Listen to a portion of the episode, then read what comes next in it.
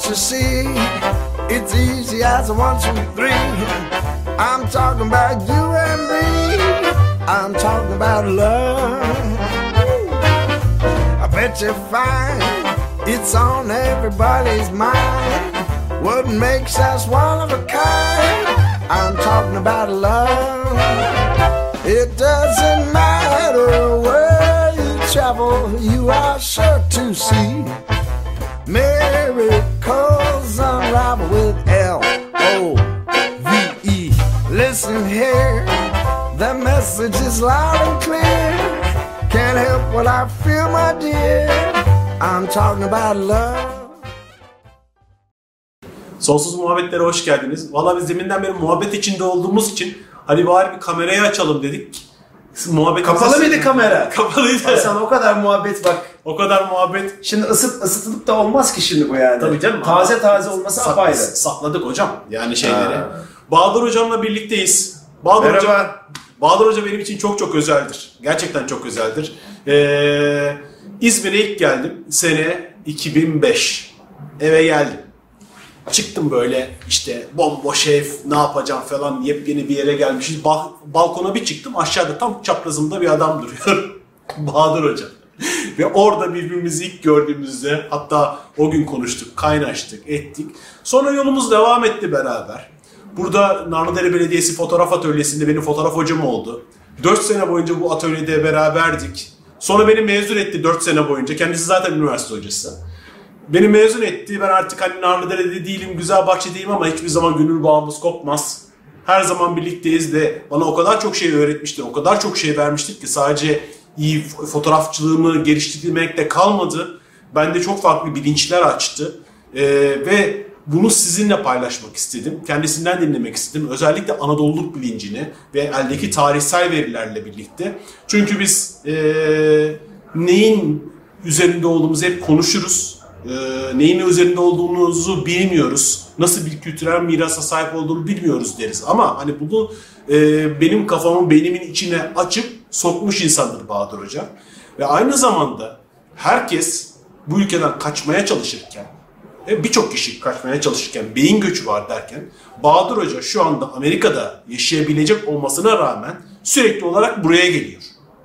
Yani eşi ve çocukları orada ve istediği zaman orada kalabilir. İşi de hazır, her şey de hazır. Ama hiçbir zaman bu topraklardan kopmuyor. Sürekli göçmen kuş gibi e, buraya geri dönüyor. Ve bu da çok önemli bir nokta.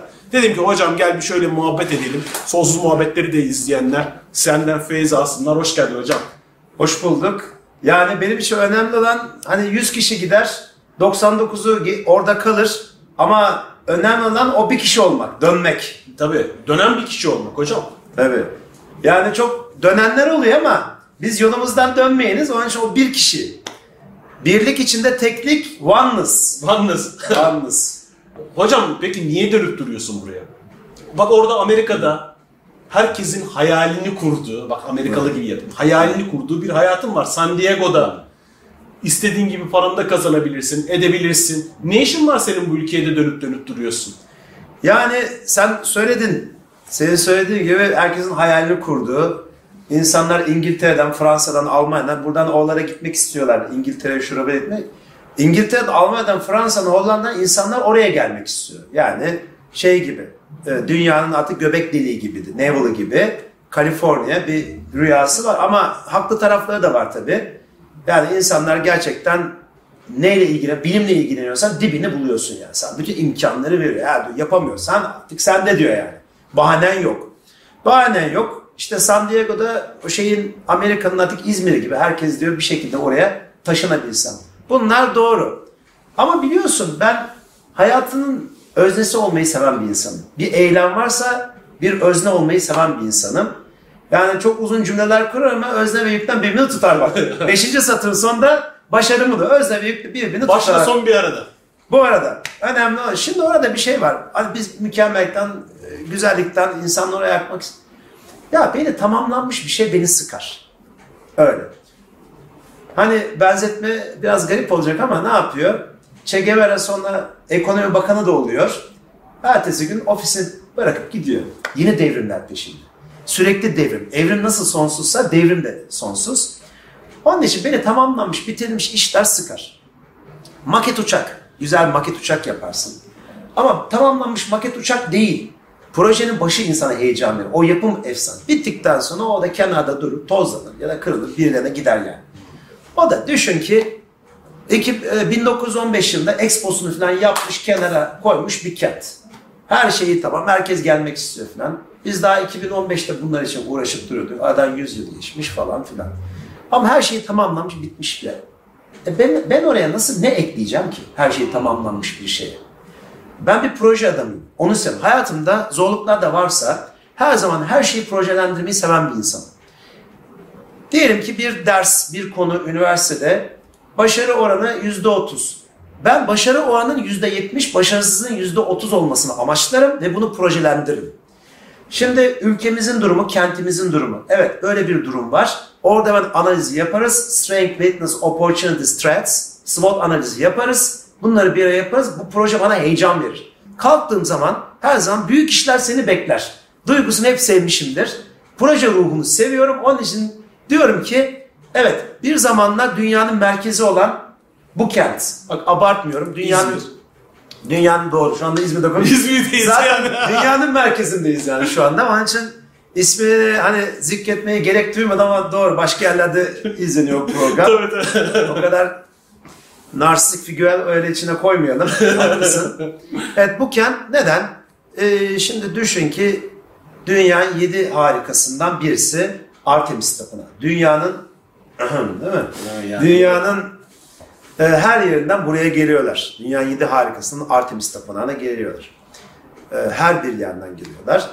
E, ve hani denecek ki hani daha büyük binalar, piramitler yokmuş, yok mu, bu yok mu? Tabii var ama e, zamanının büyük gezgini, filozofu Strabon. Bütün bilinen dünyayı gezen bir adam biliyorsun. Her yerle ilgili sözleri var. Sonuçta geliyor ve Artemis Tapınağı ve şunu söylüyor.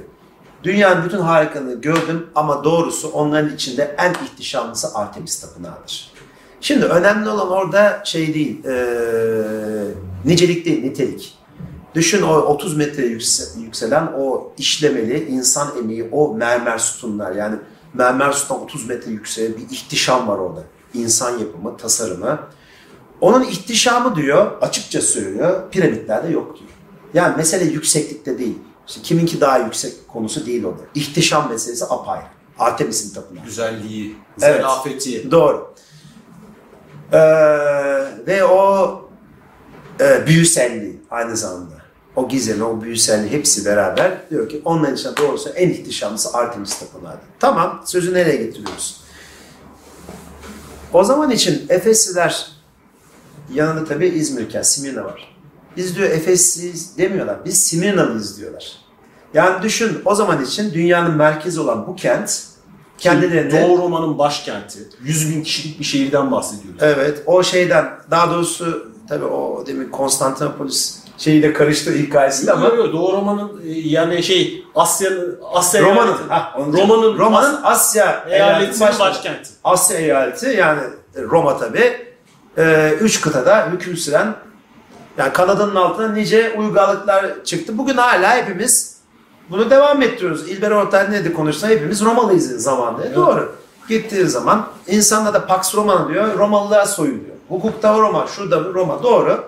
Roma'nın e, Doğu eyaletin başkenti. Bir de şu var.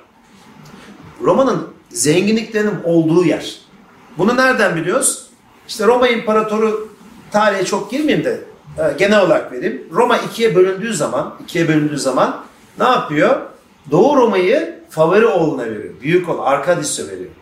Neden? Zenginlikler burada. Yani Batı Roma o kadar zengini. Doğu Roma. Yani Doğu Roma'yı almak orada enteresandı.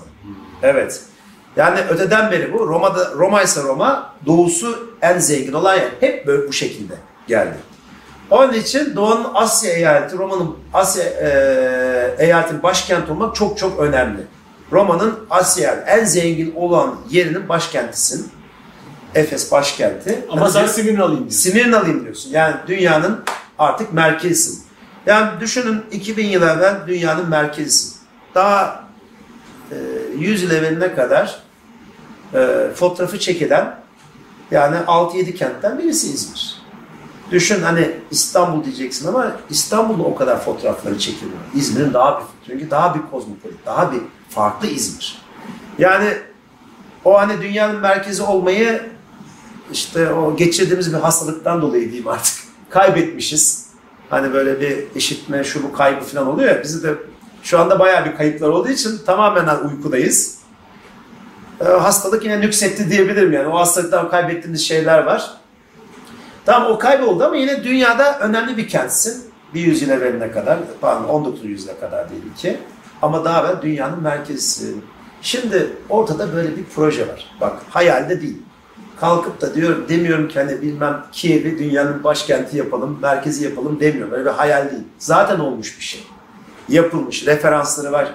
Yani bizim yapacağımız Atatürk hani Ayasofya'yı müzeye çevirdi. Bilgece bir kararla, tüm kararlarında olduğu gibi. Ve ne yaptı? Oradan Amerika'dan şeyler çağırdı, heyetler çağırdı. Buradaki kapatılmış mozaiklerin üzerini kazıttı. Altta pırıl pırıl o mozaikleri görüyoruz şimdi. O şeyleri kaldırdı o tabakaları filan. E bu da, bu da böyle. Yani o binlerce yılda içimize işlenmiş olan şey yok olmaz. Ancak üzeri kapatıldı. Şimdi yapılacak şey. Projemiz bu tabakayı, bu alçı tabakasını kazıtmak. Atatürk'ün Ayasofya'yı yaptırdığı gibi. Bak o pırıl pırıl içimizde duruyor. Ben eminim ona. Bu muhteşem bir proje ve benim içime çok heyecan veren. Onun için buradayım. Aslında senin anlattıklarından ne anlıyorum biliyor musun? Yani ben sana baktığımda büyük bir aşık görüyorum. Hani tamam proje falan tamam eyvallah. Hedefler tabii ki eyvallah ama sen buralara aşıksın. Aşkından gelemiyorsun. Esas hikaye o. Yoksa hani ee, bu pro- proje sadece görünen yüzü ama görünmeyen tarafında çok büyük bir aşk var. Bu topraklara olan büyük bir aşk var. Biliyorum çünkü seninle o kadar antik şehri gezdik. O kadar yeri gezdik. Yani oradaki bakışlarını biliyorum. Beraber ikimizin nasıl yani e, elimizde kılıç olsa meydan savaşlarında koşacağımızı biliyorum eski zamanlardaki gibi ama o o koku var ya o Anadolu'nun ruhunun kokusu. Aslında hikaye o. Ben sana baktığımda o kokuyu görüyorum. Ya yoksa o e, sadece proje için değil. Proje bir kısmı görünen kısmı ama görünmeyen tarafında kocaman bir aşk var. Ve kaç bin yıllık bir aşk. Kaç bin yıllık bir aşktan bahsediyoruz. Sadece Roma değil, Roma'nın öncesinde de bahsediyoruz. Beraber hocamla Atina'ya da gittik biz. Ne bileyim Mısır'a da gittik. Bir sürü yeri gezdik. Ama döndük dolaştık hep e, kendimizi Anadolu'da buluyoruz. Ve e, hocamın bana verdiği en önemli bilinçlerden bir tanesi şuydu. Hep bize şey hikayesi anlatıldı. Türkler Orta Asya'dan geldiler. Yani siz burada aslında misa şey sonradan gelen işgalcisiniz neredeyse denilmeye çalışıyor ve bir şekilde bu bize kabul edildi. Ama hocam şunu söyledi. Hayır. Evet dışarıdan gelen bir grup olabilir. Elbette ki Örsel gelen olarak. e, tabii ki gel oldu. Ama biz hep buradaydık. Hep buradaydık. Yani burada Efes'te biziz, Filikler'de biziz, Hititler'de biziz. Hepimiz buradaydık. Ve sen dışarıdan geldiğin zaman o kadar sahiplenemiyorsun bir şeyi. Ama bu bilinçten sonra evet ya benim atalarım. Ben hep buradaydım. Senin bana verdiğin en büyük armağan bu oldu. En büyük armağanlardan bir tanesi bu oldu. Ama bu bilinç oldu. Ben bu topraklarda hep vardım. Biz bu topraklarda hep vardık. Evet yani düşün ki bunu hani e, tüm bu hikayeyi 1071'e bağladığın zaman işte 50 bin kişilik orduyla girilmiş olsa Anadolu'da 50 bin tane yerleşim yeri var zaten. Neredeyse ondan sonra bir yerleşim yeri kurulmadı desek yeridir. 50 bin tane yerleşim yeri. Yani düşün e, 50 bin yerleşim yani her hafta sonu bir yerleşim yerine gitsen Tabii canım. Bin yıl yaşaman lazım. Bin? Yani öyle bir şey, öyle sonsuz bir şey. 50, bin yıl yaşaman gerekiyor. Yani 50 haftada, 2 hafta bir şey oldu gidemedin. Öyle bir şey. Yani o asker bilmem ne nereye dağılsın. Onunla açıklanacak bir şey değil. Ama o kadar sonsuz oturan insanlar var. E yani düşün yani bunlara nasıl dağılacaksın, yapacaksın? E bunlar gidecek mi? Şimdi bir de eski, ya öyle bir şey yok. Hadi biz geldik, hadi Almanya'dan oğlum geldi, hadi siz çıkın falan. Böyle bir şey yok ki. Yani sadece bir de şu var. Ee, Malazgirt'ten işte gelen işte oradan gelen akınlar diyelim ki göçen insanlar var ama sadece bir tanesini alamazsın. Yani Anadolu 10 bin yıldır göç almış bir yer. Yani e, kuzeyden şeyler de geliyor. e, Ruslar, Bulgarlar da geliyor. Şu Oradan- verdiğim örnek sana uyar mı? Ben hep şöyle hissederim. Anadolu bir yumurta gibi ve gelen e, Türkler de sperm Evet. ve yumurta ve sperm birleşti ve biz ortaya çıktık.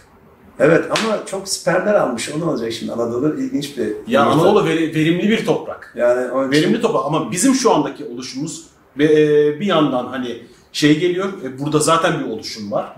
Sürekli doğmuş, doğmuş, doğmuş, doğmuş, doğmuş, doğmuş, e, doğmuş bir toprak. Ve bu en son işte e, şeylerle beraber, Malazgirt'le beraber e, ya da o dönemki şeylerle beraber işte ka- kaynaşıyor bu sefer Türkleri al- alıyor ve hep beraber büyüyoruz, yepyeni bir şey ortaya çıkartıyoruz. Evet yani ona bakacak olursak Amerika'da çok e, yap, sohbetlerde e, dinleyen arkadaşlar diyorum işte İrlanda, İrlanda örneğin Amerika'nın kuruluşunda çok önemli etkisi olan insanlar. Demir yolunu onlara yaptırıyorlar. Pek çok şey onlara. İrlanda desen kökenli. Pek çok insan İrlanda kökenli yani. Zaten tanıyorsun böyle hafiften delişmen Karadeniz, bizde Karadenizli gibi böyle tipler varsa bir bakıyorsun. İrlandalı çıkıyor. Heyecanlı heyecanlı insanlar. Biliyorsun İrlandalı tipleri. Şimdi onlara diyorum e, e, biz hemşeriyiz ya diyorum. Sen de siz de bizim oradansınız. Nasıl bizim oradansınız? Ne alaka? E diyorum işte Anadolu'nun merkezi Galya olarak biliniyor. Galya. E, Galatya pardon. Galatya. Galatya. Galatya olarak biliniyor. Çorum, İşte- Çorum tarafı değil mi? O civar. İç olduğu gibi o civar işte. Çorum bütün o iç Anadolu civarı Galatya olarak biliniyor. İşte onda da e, Gol deniyor da yaşayanlar. Goller.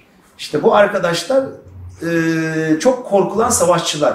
İşte yeşil gözlü sarışın devler olarak biliniyor bunlar. Önde kimse duramıyor. Biraz göçebe insanlar ama demircilikte falan çok ileriler. Böyle çok güzel bize kalmış eserleri var. İşte demir işleri ilgili.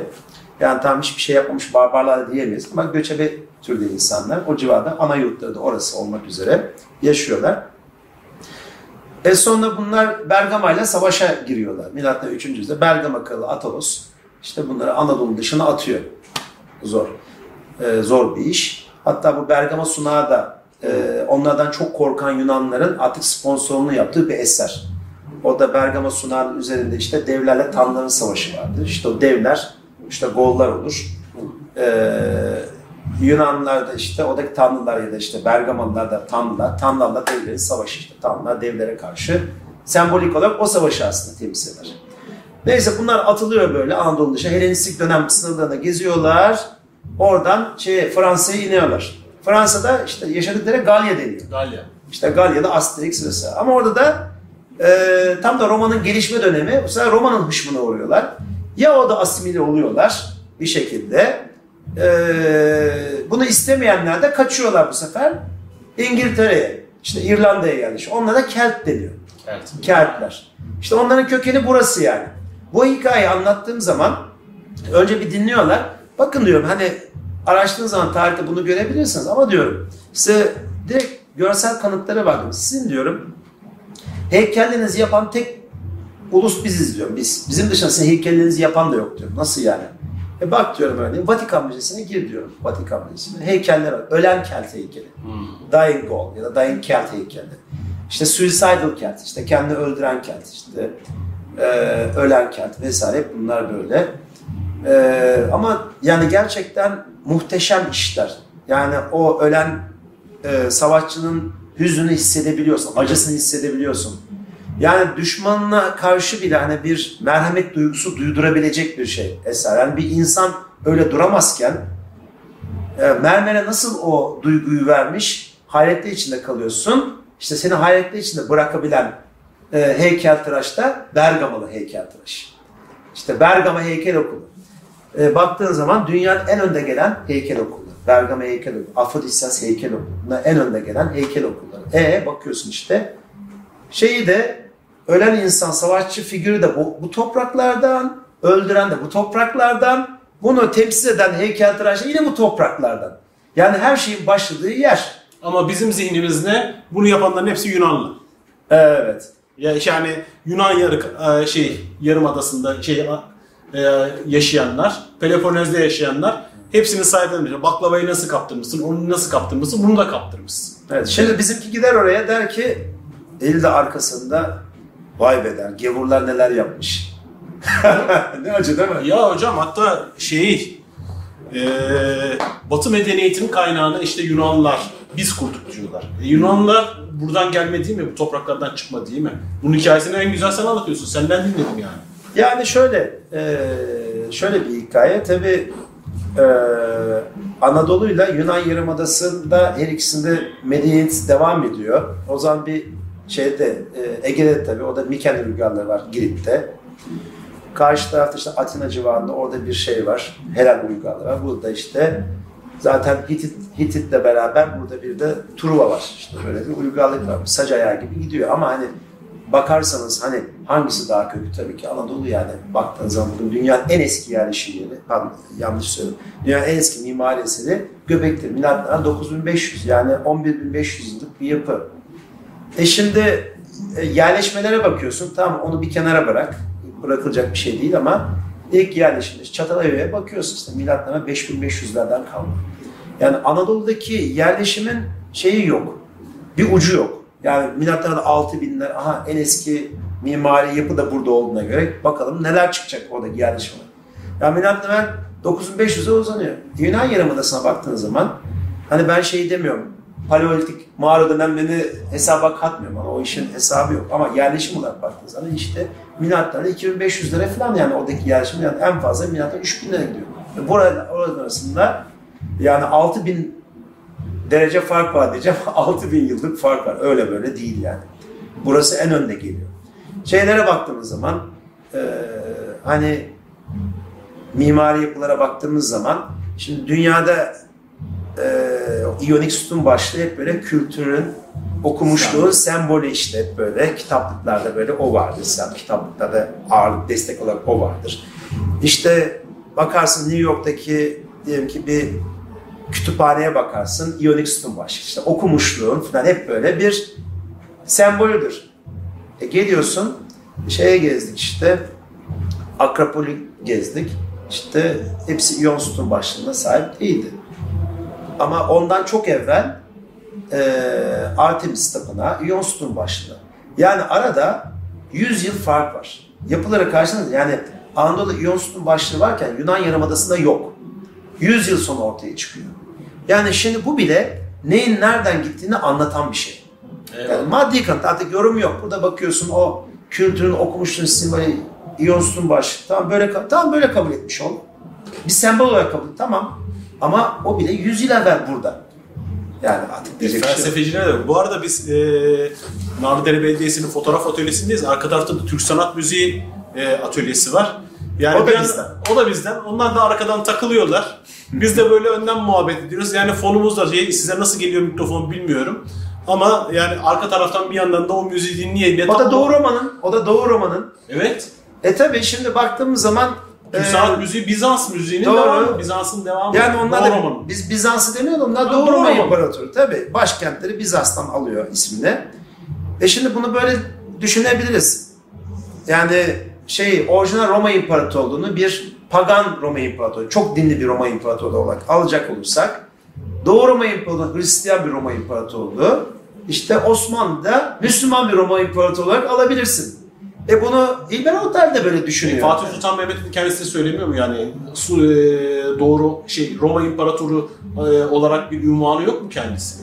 Zaten e, ömrü ve faizle Onu- direkt Onu almak üzereydi ama bir şeyler oldu yani o sırada. evet yani direkt İtalya'ya girecekti. Şimdi Vatikan Vatikan falan oraya kadar gidecekti ama orada bir şeyler oldu yani Fatih su- suikast mi düzenlediler öyle bir şeyler oldu. Evet orada bir zehirlenme hikaye. Yani devamlı papayla devamlı bir yazışmaları var.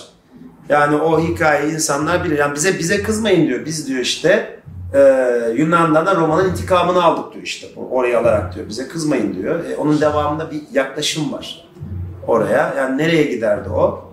Tarihin akışı çok çok ilginç olabilirdi eğer hani ömrü vefa etme hikayesi var ya Evet, evet. vefa etmiş olsaydı. Yani tarihte aslında öyle yarım kalmış çok hikayeler var. Büyük İskender'in hikayesi gibi. Yani Büyük İskender'in de hayali yeni bir e, dünya, yeni bir ülke, yeni bir insanlık onu düşünüyor. Onun için bak bütün zenginlik doğuda ya adam alıyor Makedonya'da Büyük İskender. İşte orada hocası Aristo bütün bunları bir araya getirmiş. Ki Doğu seferine gitmeden evvel 10 binlerin dönüşü kitabına Anabasis okuyor işte. Yazarı Xenofon'u çok iyi biliyor. Geliyor işte bütün bilgilerle ne yapıyor gidiyor? Yeni imparator, İskender İmparatorluğu'nun başkenti Babil yapmak istiyor. Doğuya taşımak istiyor. Of. Ömrü vefa etse şu dünya nasıl şekillerinde çok ilginç görürdük yani.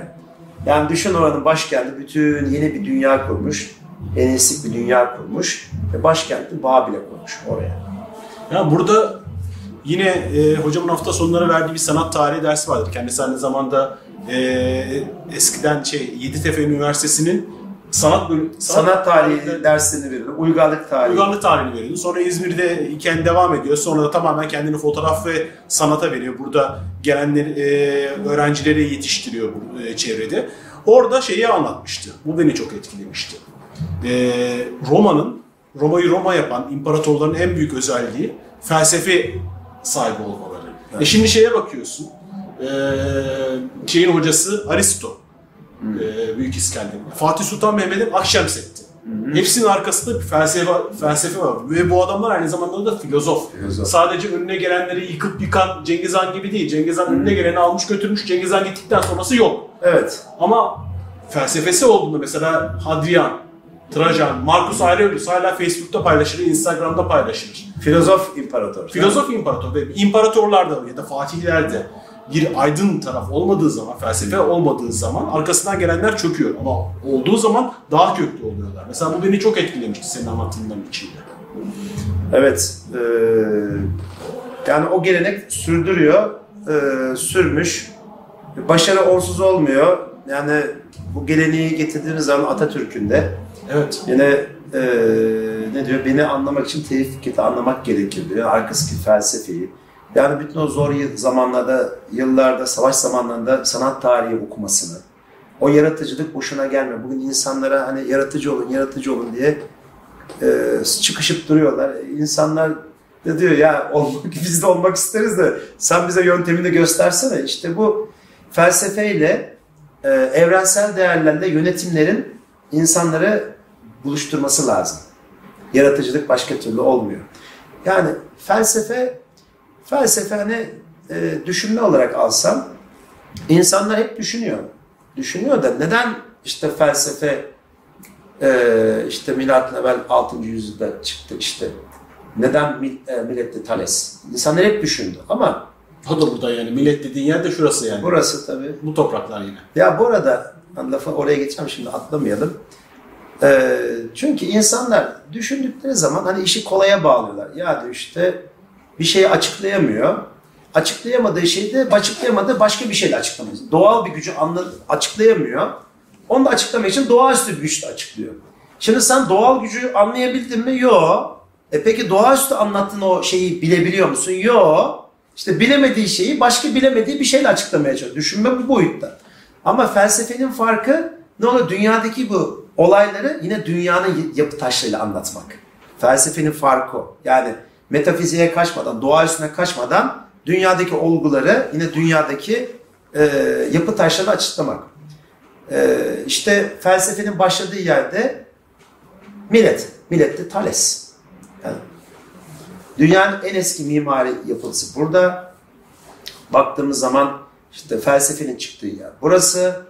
İşte dünyanın en göz kamaştırıcı, en ihtişamlı e, şeyi burada, tapınağı burada. Hani diyelim ki bugün Batı medeniyetinin işte temelinde bir Hristiyan şeyi var, kökeni var.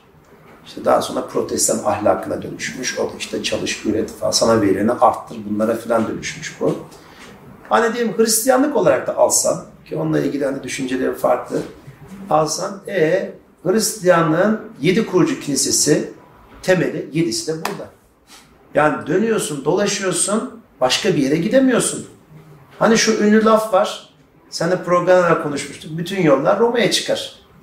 Yani ben onu ilkokuldayken de şüphe duyuyordum bu işten. Zaten neden şüphe Ne İtalya'daki Roma, İtalya'daki Roma zannediyor. ya bakıyordum haritacılık oyunda ya bütün yolların buraya çıkması mümkün değil. Şimdi öğretmenim de kızardı o zaman. Ya, mantığına konuşmadan ve sorular soruyorsun. Ama neyle ilgili şüphem olacak hepsi gerçek çıkmıştı. E sonra bakıyorsun Roma İmparatoru Büyük Konstantin. Bak demiyorum Doğu Roma'ya daha gelmiyoruz yani. Evet. Roma İmparatorluğu'nun büyük imparatoru Büyük Konstantin. Ne yapıyor? Radikal bir iş yapıyor. Ee, koca bir imparatorluğunun dinini de aynı Akhenaten'in yaptığı gibi. Dinini değiştiriyor. Sonra başkentini değiştiriyor. Nihayet bütün Roma İmparatorluğu yapmak istediği şeyi yapıyor. Yeni başkent. Ve ona da kendi adını verir. Konstantinopolis. İşte bazen böyle yarım ağzı Amerika Konstantinopol falan diyorlar. ya, Ben bu bir dakika. Konstantinopolis diyorum. Yani büyük imparator Roma İmparatoru Konstantin'in kenti. Yani onunla şununla buna çağrıştırın. Adam gibi söyleyeyim bunu söyleyecekseniz. Ve o Roma İmparatoru e, Ayasofya'nın karşısına milyon taşı veril, adı verilen bir e, anıt yaptırıyor. Diyor ki tüm hocalar falan buradan geçiyor. Dünyanın merkezi burasıdır diyor. Ve dünyanın merkezi burasıdır dedikten sonra da oraya işte e, bir hacı geldiğinde e, ya da bu şeylerde e, kilometrelerini gösteriyorlar. İşte tüm dünya başkentlerine olan şeyleri var. Ve e, orası gerçekten tam dünyanın merkezi olarak kabul ediliyor. E, her yol Roma'ya çıkar. Daki Roma aslında e, İstanbul, Konstantinopol, Konstantinopolis. Evet. Ve bununla birlikte milyon taşı 1878'deki e, konferansa kadar sıfır meridyeninin geçtiği yere olarak kabul ediliyor. Yani tüm dünya saatlerini bu milyon taşına bakarak ayarlıyor. 1878'de İngilizler onu alıp Greenwich'e götürüyorlar. Yani zamanın efendiliğini de e, alıp oradan götürüyorlar. Ve bu taş şu anda Ayasofya'nın karşısında öylece geçerken bilinmeyi bekliyor. Ben de tesadüfen hikayesini okudum. Önünden metro geçiyor, şey e, tramvayla geçerken gördüm. Aa o taş bu taş mı diye gittim hatta fotoğrafını çektirdim. Ama 1878'e kadar zamanın merkezde Roma, eski Roma yani e, İstanbul, Konstantinopolis. Yani bunun da e, gayet somut bir şeyi var elimizde. Ama Evet. biz bunu biliyor muyuz? Tesadüfen hikaye karşı çık- e, çıkmasa bilmiyoruz. Evet yani hep elimizde olmayan şeylerden dolayı yükselen, bahane arayan bir şeyimiz var. Bir tarzımız, tavrımız var ama aslında eee, hep baktığımız zaman en büyük eee, güç insan ve kültür. Ve biz bu eee, en büyük güce sahibiz. Ama madde olarak da baksan dünyanın en, en bor falan o da tamam da yani dünyanın en büyük mermer rezervine sahibiz. Boşuna değil. Mermerein, ışıldamak kökeninden geliyor. Yani baktığın zaman dünyanın en önde giden heykel okulları sahip biziz. Ama ne acıdır ki şurada 70 milyon insan hiçbirisinin dedesi heykeltıraş değil. Yani geldiğimiz duruma bak. Yani 2000 yılda çok gerilere kaymışız. Görece olarak hani Türkiye ilerliyor işte G20 arasında tamam ilerliyor. Ben cesur yeni dünyaya inanıyorum. Elbette yani böyle bir dünyada ne yapacaksın? İlerleyeceksin tabii. Bir mücadelenin içindesin. Ben buna inanıyorum. O şekilde yaklaşmayacağım ama benim söylemek istediğim şey görece olarak çok geriye kaydığımız. Tam merkezlerden dünyanın en büyük heykel okullarına sahipken, dünyanın merkeziyken burada işaret edilen yerken ne yaptın şimdi? Ee, işte biz de acaba bir şey aslında payımız olabilir mi durumuna düşmüşüz. Yazık. Yani şeyi hatırlıyorum. Aynısı. Şimdi Mısır'dayız. Bir taksiciyle gidiyoruz. Taksici döndü bana şeyi söyledi. Ee, dedi ki ya sizin dedi ne kadar güzel tarihiniz var dedi. Osmanlınız var. Bizim burada hiçbir şey yok dedi. Bu arada da taksiyle durmuşuz. Önümüzde Ramses heykeli var. 3500 yıllık Ramses heykeli meydanda duruyor. Bunu söylerken dönüp şeye bakmıyor. Ramses heykeline bakmıyor. Aynı onun gibi yani bizde de her türlü hazine var. Elbette ki Osmanlı da ayrı bir hazine. Ben çok saygı duyuyorum Osmanlı'ya. Fakat biz tarihi belli bir yerden başlattığımızda kökenlerimizden kopuyoruz. Ve daha daha büyük e, ne hazineler varken bunlara sahip çıkmıyoruz. Bu sefer bizim üzerimizden sahip çıkanlara hayranlıkla bakıyoruz. Çok ilginç bir karma bu. Bir ara verelim hocam buradan e, konuşmaya devam edelim. Tamam. Sonsuz muhabbetler az sonra devam edecek.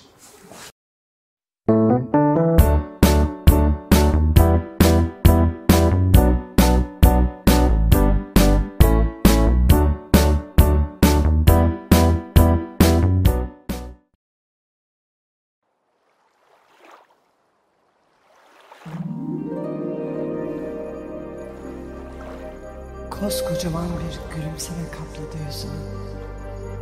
Çok az kaldı biliyor musun? Hem de çok az. Doğmak üzere olan bir bebek gibisin. Rahmin duvarlarını yokluyorsun. Ama çok az daha sabret. Sorularının yanıtını bulmakla kalmayacaksın tahmin edebileceğinden çok daha fazlası gelecek hayatına.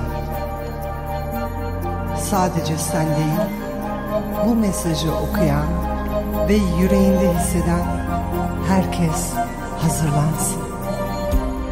Ben senin sonsuzluk rehberinim. Ben senin sonsuzluk rehberinim. Ben senin sonsuzluk rehberinim.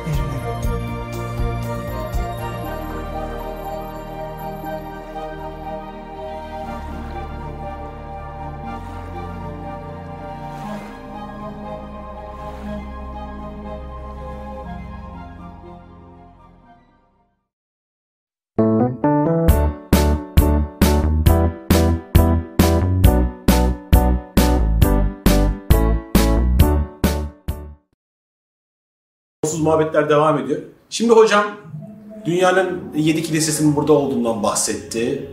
Mimariden bahsetti. İşte bir sürü her şey burada olduğundan bahsetti ama çok çok önemli bir şeyi atladı. Geliyor, geliyor. Geliyor. Hissediyorum geldiğini. Geliyor, geliyor.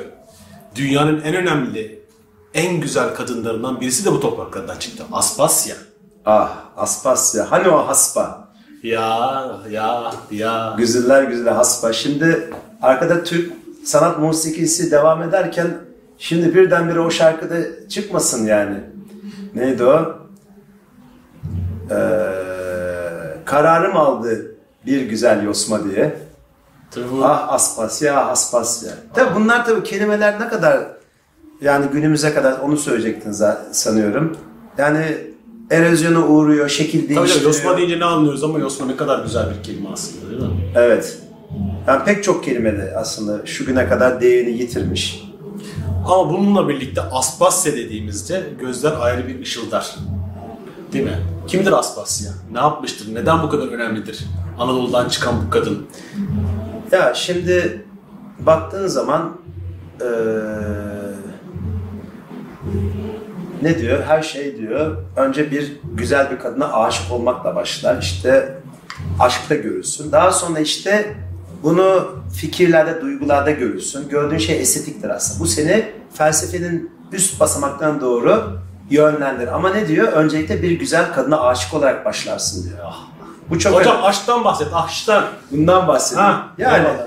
şimdi bu hani zaafsa zaaftır Eyvallah. e, ya da zarfsa zarftır. Çağrışımlar bin bin türlü tabii burada. E, zaafsa da şunu derim yani zaaf doğası gereği bir şey olur. İki şey olsa zaten zaaf olur. Hangisi?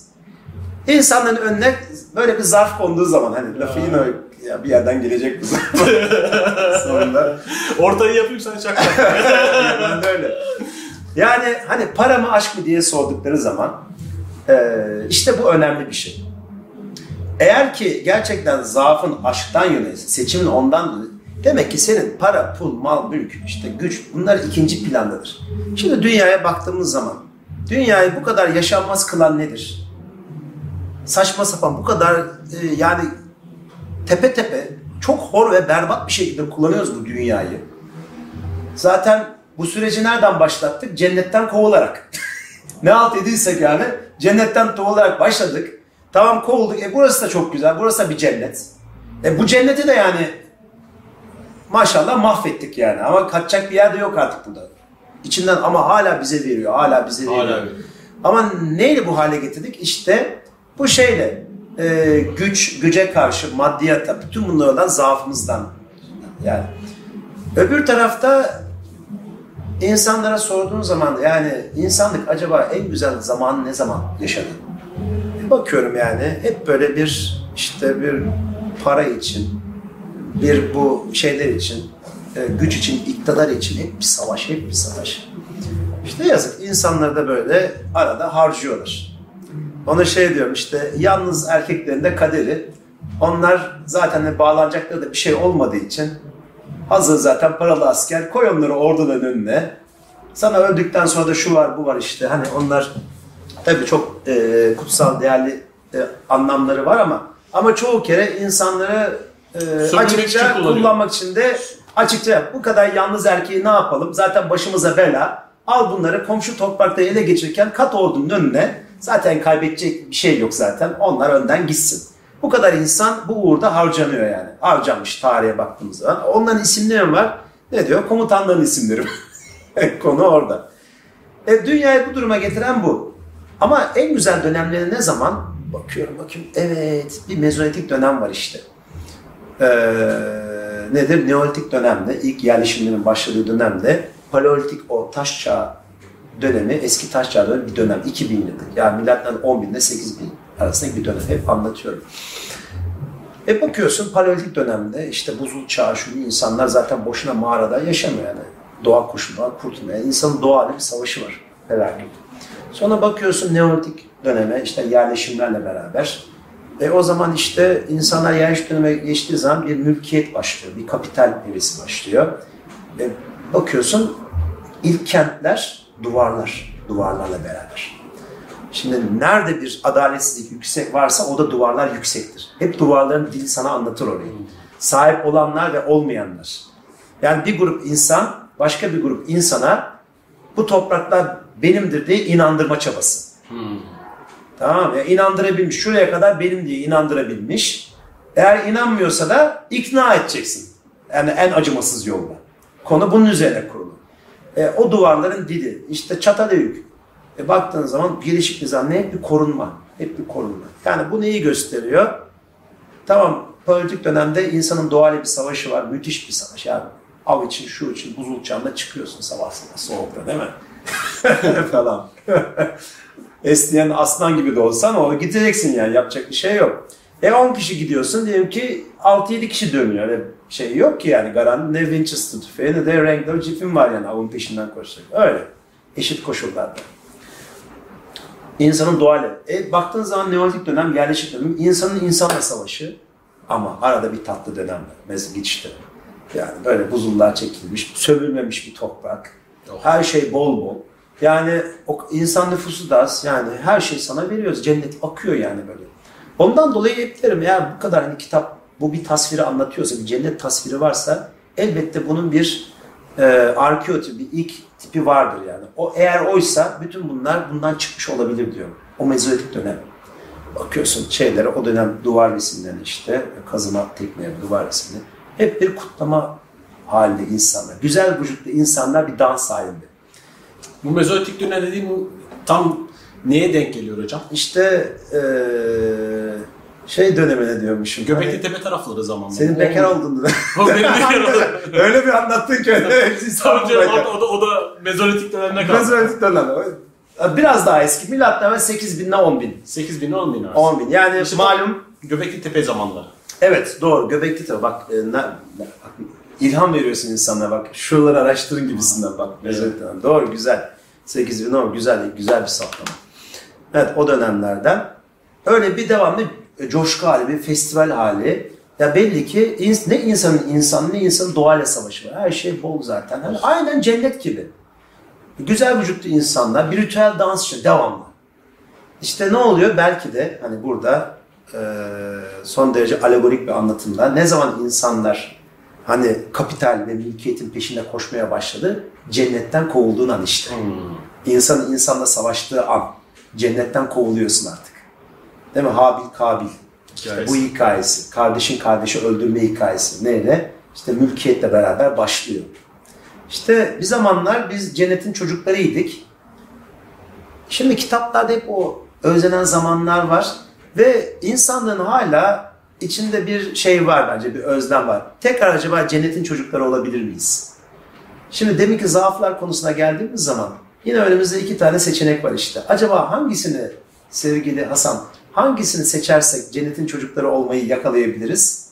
Bu retorik bir soru zaten, cevabı belli. Eyvallah.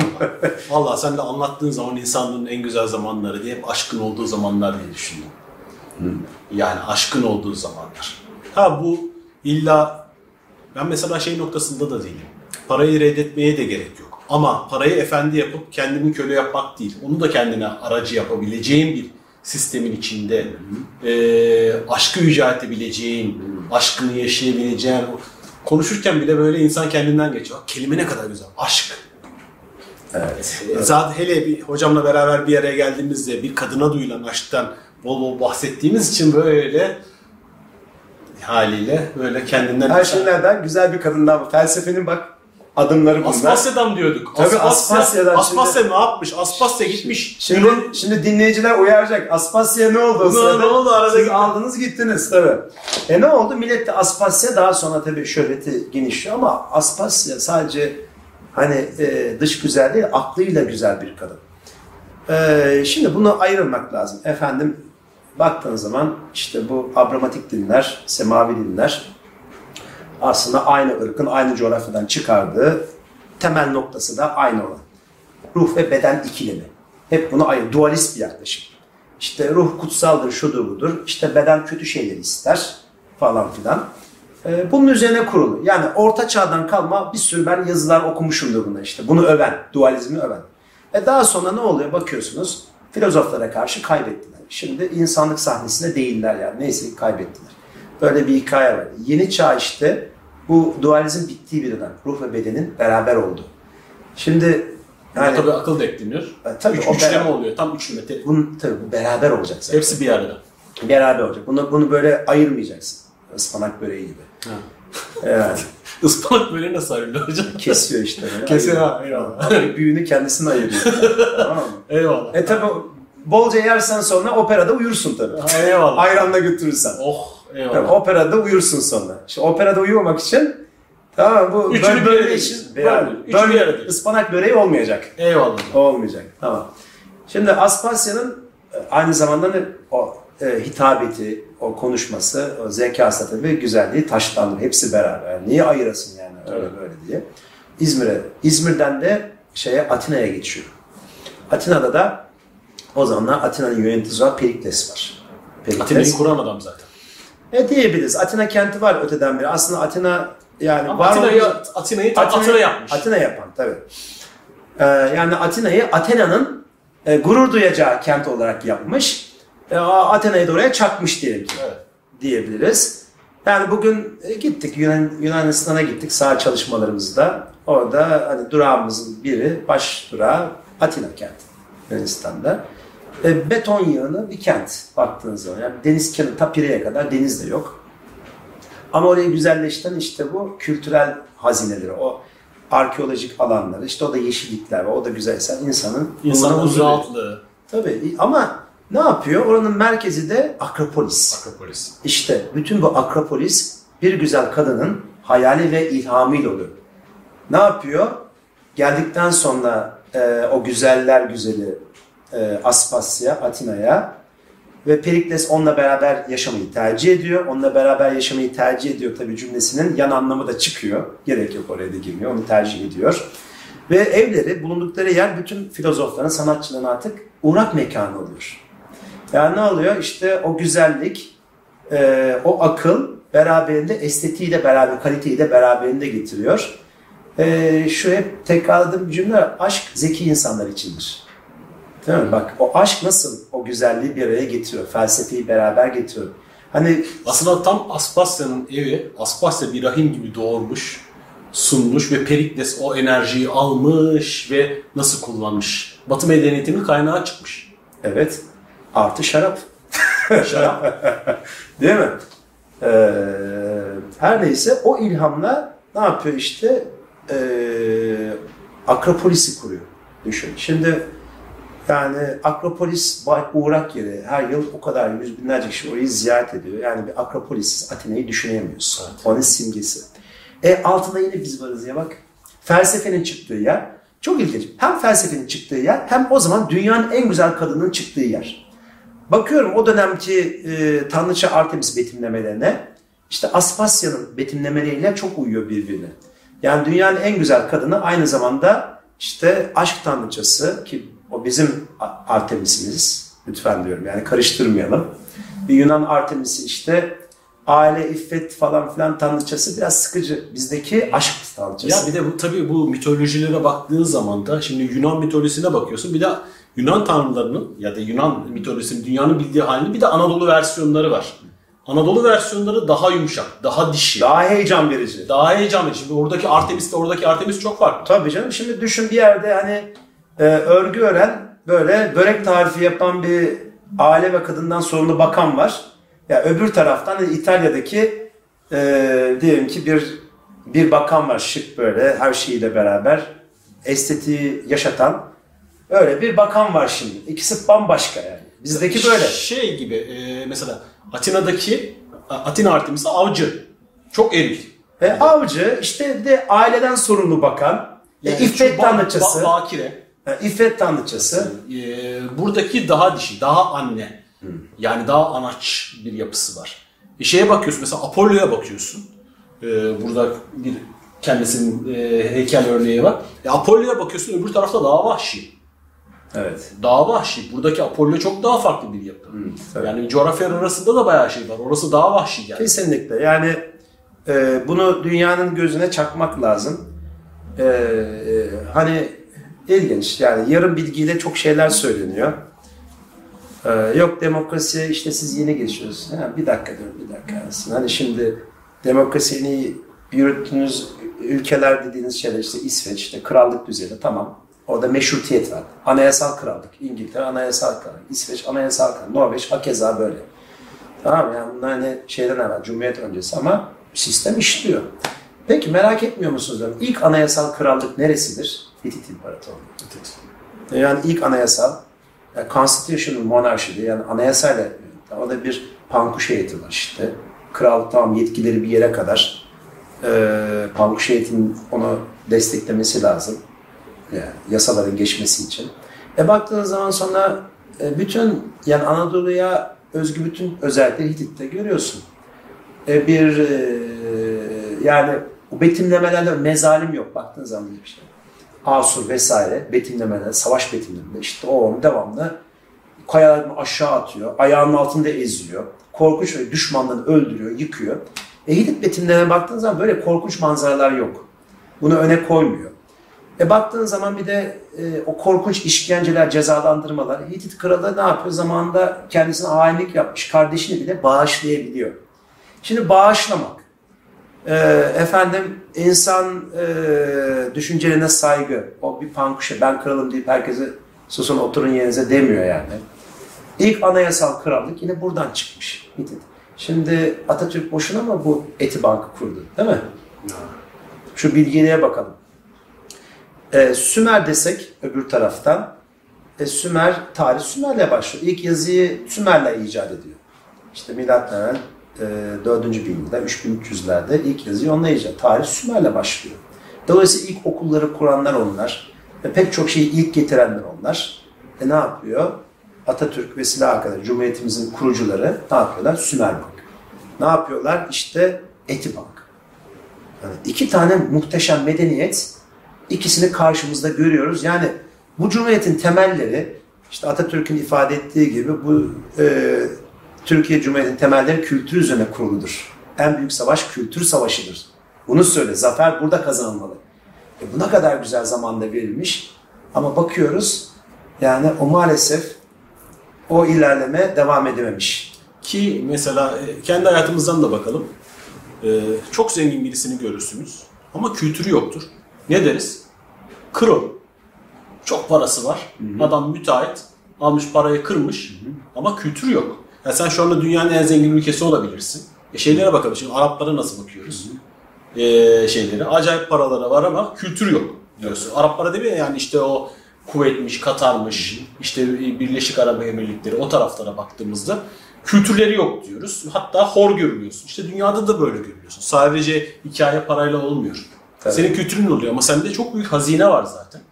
Çok büyük hazine var. Sen bunu sahiplenmiyorsun. Bir de kaptırıyorsun. Sürekli kaptırıyorsun, yolduruyorsun.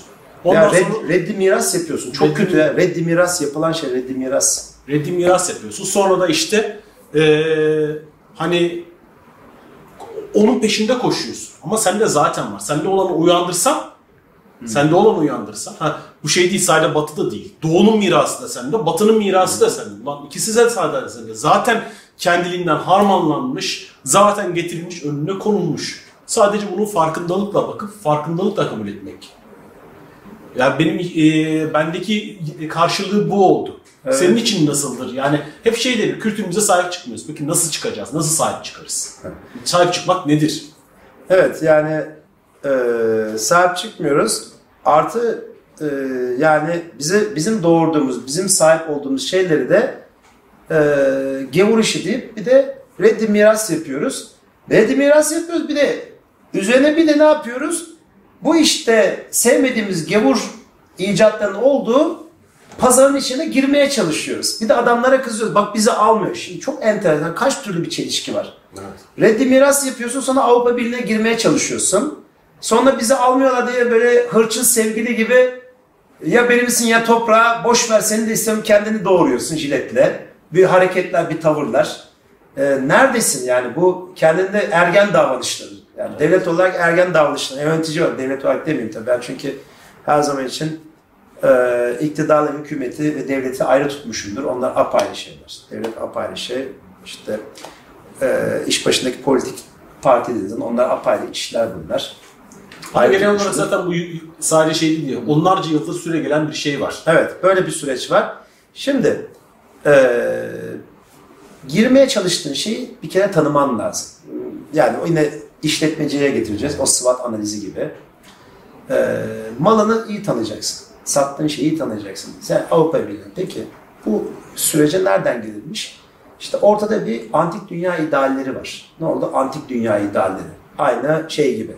Olimpiyat idealleri. Daha yükseğe, daha hızlı, daha ileri. Ne olmuş işte?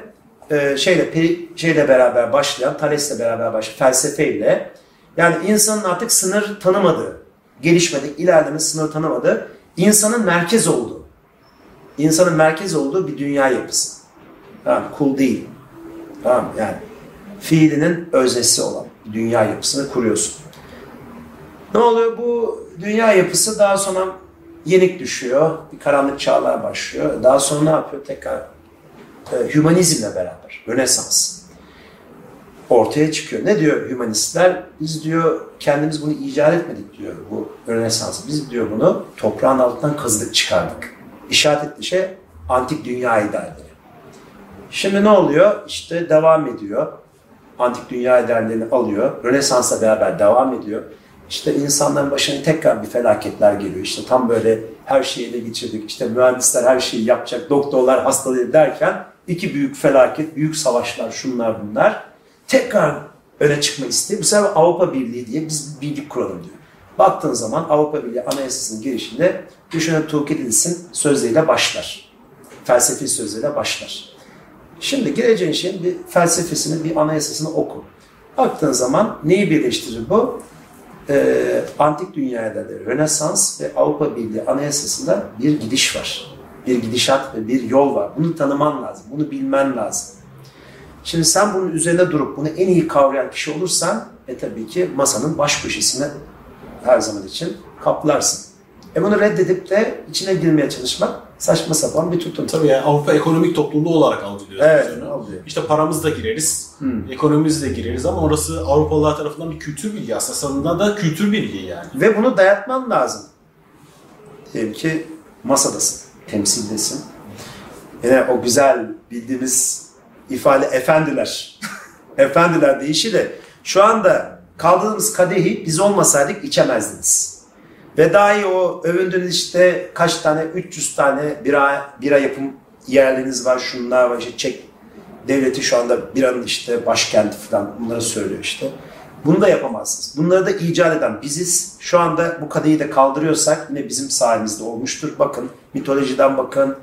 Ee, uygarlık tarihine baktığımız zaman bunların da yaratıcısı biziz. Yani önce biz bunu kavrayacağız ki o masada biz bunu kaldıracağız ve herkes bizim Biziz derken bize bize kaldıracak. sonuçta bira Çatalhöyük'ten çıkma. Tabii. Tabii. Şarapta e, Aydın Dağları'ndan, Aydın. Nisa Dağları'ndan çıkma. İlk Silenus, Silenus orada Aydın Dağları'nda şarap tanrısı Dionysos'a şarap yapmayı öğretiyor. Ne oluyor? O kuşak gidiyor gidiyor. Ben de babamdan öğreniyorum şarap yapmayı şimdi. Oraya kadar indiriyorum. Ben şimdi anlattığım zaman e, bir Kaliforniya'da orada şarap merkezlerinde örneğin Temecula, San Diego civarında şarap merkezi orada gezdiğim zaman benim şaraba olan ilgimi sorguluyorlar. Çünkü diyelim ki o da market diyelim ki sunum yapıyor işte. O da üzümler koymuş, şarapları koymuş insanlar. Şimdi ben şarabı içiyorum, arkasından bir üzüm yiyorum, tekrar şarap. Ondan sonra oradaki insan e, sunum hazır gidiyor, yanıma geliyor. Ya diyor bir tek siz bunu yapıyorsunuz. İnsanlar geliyor üzümleri yiyor, şarabı içiyorlar. E benim genetik olarak var. Nerelisiniz? Ben Türk'üm. Duruyor. E diyorum şarabı icat eden biziz. Aa, şaşırıyor. Şarabı icat eden bak diyorum. Bak diyorum şeye mitolojiye bak. Nisa dağları işte Aydın dağları. İlk defa Silenus Dionysus'u anlatmıştır. Ben o kuşaktan geliyorum. Ben de babamdan öğrendim diyorum bak. Oraya bağlıyorum. Keşke biz de kökenimizi böyle görebilsek. Bunu bağlayabilsek. O zaman kimin haddine bize hani geldiğiniz yere geri dönün. Anladım. Siz işgalcisiniz geldiğiniz yere geri dönün. Ne demek? Burası bizim toprakımız. Hiçbir yerden gelmedik. Biz buradayız. Bize gelenler katıldı. Ki bunun gibi o ne kadar çok örnek var. Ne kadar tabii. Ne kadar çok örnek var. Yani eee, hani sahip çıktı, sahip çıkman gereken. Yani şimdi Göbekli Tepe'yi de yeni yeni sahiplenmeye başladık. O da hani iyidir diye. Şimdi bize evet hani işte dişleri iyi gelir, şuna iyi gelir. İyidir iyidir sahip çık. Ama neden iyi olduğunu, hoşta nedeni o felsefi kökenini e, çok iyi hazmetmiş olmak lazım. Bize de okullarda hani şey öğreteceğiz. Hani debdebeyle şaşayla bu kente girdik. Debdebe onu öğreteceğin şu yararlı bilgileri verseler hani herkesin kulağı duymuş olsa daha sonra bunlar bizi çünkü kurtaracak şeyler. Bugün tamam e, e, ülkemizin bir şeyi var. E, politik bir gündemi var işte seçimlerde. Peki ondan sonra ne olacak? Hep sonrası var. Hani bunu da atlattık ne olacak? Nasıl düzlüğe çıkacağız? Ekonomi çok önemli. Ekonomi. E, şimdi ekonomi çok önemli. E baktığın zaman e, bu devletlerde özel paranın olduğu da Amerika'da değil, kilise hala güçlü. Bayağı güçlü. E, ne yapacaksın? E, milyonlarca insanı buraya getirsen, e, diyelim ki din turizmi adı altında, yedi kurucu kiliseniz burada. Tamam ve yedi kurucu kiliseden Efes'te onlardan bir tanesi ama liman, limanı bitti. Bir tek limanı olan İzmir bak. Yedi kurucu liman. Nereden başlayacak? İzmir'den başlayacak. Milyonlarca insanın İzmir'e geldiğini düşün. Buradan başladım. Yani bütün yedi kurucu kiliseyi gezecekler ama tabi sadece din şeyi de değil, motivasyonu değil. Yani aynı zamanda çünkü şunu söylüyorum. e, siz aynı zamanda yedi kurucu kiliseyi değil, e, Roma'nın en önemli yedi kentini de görmüş olacaksınız. Neden? E çünkü diyorum İsa'nın o şeyleri, disciple dediğimiz iz- Havari. havarileri kalkıp da dağ başına Hristiyanlığı yayacak değil ya gidiyorlar en önemli kentlerinde yaymak istiyorlar. Evet. Dolayısıyla sen aynı zamanda Roma'nın en önemli kentlerini görmüş oluyorsun. Bir taşla iki kuş işte. Bunu, bunu görmeleri lazım. Bunun için de geliyor. Milyonlarca insanı buradan başlatacaksın İzmir'de. Yani e, yazın hiçbir turistin uğramadı. Herkesin Kuşadası'nda şurada burada oldu. Turistlerin gittiği yerde e, bu kadar turisti burada. Aynı Atina'dan daha büyük bir aslında potansiyelimiz var. E Ama onu gittik biz gördük. kabul edersek. E gittik gördük yani Atina'da. Tamam Partenon'u gördük ama hani burada bir Afrodisyas'ın yanında hani Partenon'un tabii sembolik önlemi var falan ama buradaki antik şehirlerin yanında Partenon'un öyle bir şeyi yok. Ha tamam Atina güzel şehir. Allah var sevdik yani. Atina eğlenceli şehir. Doğu tarafını çok seviyorum. Öyle, şey, Monastraki tarafı özellikle o taraf çok güzel. Tamam ama baktığın zaman biz öyle antik şehirleri gezdik ki, öyle yerlere gittik ki haberimiz yoktu. Ya bir 40 bin kişi Magnezya et Adrem diye bir şehir var e, bu yakında e, Menderes Magnezyası diye 40 bin kişilik şey, e, stat var. Beraber keşfettik yani bilmiyorduk biz de bilmiyorduk. Hadi oraya gidelim dedik şuraya yürüyelim bir derken karşımızda antik çağın en büyük stadı çıktı. Evet. Afrodisyas'ta neler neler keşfettik ki bir yandan e, hani e, kültürel değeri, tarihi değeri var ya ama bir yandan da ruhsal değeri var. Ben de onları yapıyordum. Hani oraya gittiğimizde oradaki ruhsallıklar e, yerleri işte oradaki tapınaklar niye yapılmış, neler yapılmış, nasıl inançları varmış bunları yapıyorduk ve burada bir kendimiz şey yaptığımızda İzmir çevresinde bir hadi ruhsal bir çalışma yani bir tur yapalım dediğimizde hemen hazır buradan antik çağda 3 tane önemli kehanet merkezi var. Delphi, Didim, Klaros. Klaros. Klaros dediğin şuraya kaç kilometre? Bir saat. Hatta Saat bile yok tabii. bir saat bile yok. Bir de Klaros e, antik dünyanın ikinci en önemli bilicilik merkezi şeyden Delphi'den sonra. Şimdi düşün yani gerçekten dünyanın en özel toprakları üzerinde olduğumuzu e, şu şekilde anlatıyorum. Bak sabah 10'da kalktın kahvaltını yaptın. Şuradan uzanıp efendim e, dünyanın en önemli ikinci bilicilik merkezine gidiyorsun. Oradan sonra da işte neydi? Antik çağın en önemli 7 harikasından bir tanesine gidiyorsun. Gidiyorsun. Her ne kadar bir şey kalmamış olsa bile duruyor. Oradan da Roma'nın başkenti, Asya başkent, eyaletin başkentine gidiyorsun. Oradan da az ileri gidersen şöyle döndüğün zaman efendim Zeus'un mağarasına gidiyorsun. Zeus mağarasına gidiyorsun. Biraz dönüp de yukarı çıktığın zaman Söke tarafında işte o 40 bin kişilik stadı görüyorsun. Yani sen sabah çık ondan sonra ne yapıyorsun? Akşamı Tekrar- da Şirince de tamamla mis gibi. O Şimdi tamam yani bunu bir öğleden sonrasında bunu yani dünyada kimse bunu yapamaz. kaç tane bir, milyon rota var böyle. Evet. Kaç tane öyle Şimdi? İtalya'ya baksan İtalya'nın hani şeyleri e, Roma ile başlıyor. Yani bununla karşılaştırılamaz. Yunanistan. Şimdi e, İtalya'da da İtalya'daki Roma ile başlıyor mesela. Tamam çok müthiş geliş ama bu kadar derin, bu kadar eski değil. Yunanistan'da da Yunan Yarımadası. E, orada da Dolar, milattan 2500 dolar veya şey, İlmihattan 2500 lira başlıyor. Bu kadar köklü değil. Zaten bu kadar köklü olmuş olsa, rakip, rakip rekabet edecek durumda olsa Büyük İskender seferlerini batıya yapardı. Yapmıyor. Hiçbir şey yok. Yani milattan evvel ben 4. yüzyıldan bahsediyorum. Milattan evvel 330'larda. bilinen dünyanın Fatih diyorlar. Bilinen dünya ne Yunanistan'dan bu taraf. Bu taraf. Adam gitmiyor bile. Neden? Barbar kavimden yani bir şey yok ki oraya gidecek. Ama burada neler var? Yani İskender dönemini alsam, milattan 330'lardan 350'leri alsam o zamanda da pek bir şey yok. Gitmiyor. Buraya geliyor. Bütün zenginlikler, bütün harikalar burada. Ve yeni imparatorun başkenti buraya yapmaya çalışıyor. Ve biz bunun en önemli yeri. Yani şu- anda bu bir şey değil, mübalağa değil. Yani deseler ki işte efendim herkesin toprağı özeldir. Peki bu koşulları bir yere giden başka bir toprak gösteriyorsun. Evet neymiş? Diyelim ki antik dünyanın en iyi korunmuş antik kenti Efes. Al. Efendim şeyin Hristiyanlık alemi bugün en büyük diyelim ki dini alem diye düşünecek olursam e yedi kurucu kilisenin hepsinin olduğu kent. Aha bunu da aldım. E şeyi al. E. Roma İmparatorluğu'nun başkenti neresi? Nereye yapmış? Konstantinopol. O da burada. E iki, iki kıtada olan tek başkent yani üç imparatorla başkent yapmış başka bir kent var mı? Yok İstanbul. E, E, do, O da burada. Tepe'yi al. En eski yapı. en eski yapı var. Yapıyorsun. E peki soruyorsun. Bu kadar şeyi bir yere giden başka bir coğrafya var mı? Yok. Demek ki dünyanın en özel toprakları burası. Bu kadar. Bilgiyle konuşman yetiyor. Evet. Bunu çok kere yaptım yani. Hatta kava 7 tane madde say. Bu yedisini bir araya getiren var mı? Yok. O zaman haklıyız. Yani Amerika'ya gittiğimizde de hani bize tarihi de 150 senelik şeyleri gösteriyorlar ya 150 senelik ev dünya en eski şey lan kaç sene 150 biz 150 seneyle dişimizi kaçırdık 150 seneyi burada kiraya veriyorlar 150 senelik evi kiraya vermiyorlar mı hoca? Öyle öyle. Ya şurada şeyde Doğru. tarihi eser Biz onu bağlıyoruz şimdi. Bunu gösterdiniz ki bizi dinleyenle de bize bağlıyoruz. Sen İrlandalı gel sen de bilsen. Sen şey. İtalyan çok bak. Bir, çok da İtalyan var. Onunla sen de bizdensin. e, Türkçüler buradan gitmedi değil mi? Evet şey diyor bak diyorum şeyle e, Roma'nın kökeni Truva'dır. Zaten ha Hollywood filminde bile bunu gösteriyor. Truva düşerken Truva e, prensi kılıç alıp gidiyor. Yeni bir şey yaratmak için, yeni bir uygarlık yani Roma İmparatorluğu. Ve Roma İmparatorları kendisini Truvalı olarak tanıtır. Jules Caesar da ben diyor Truvalıyım der.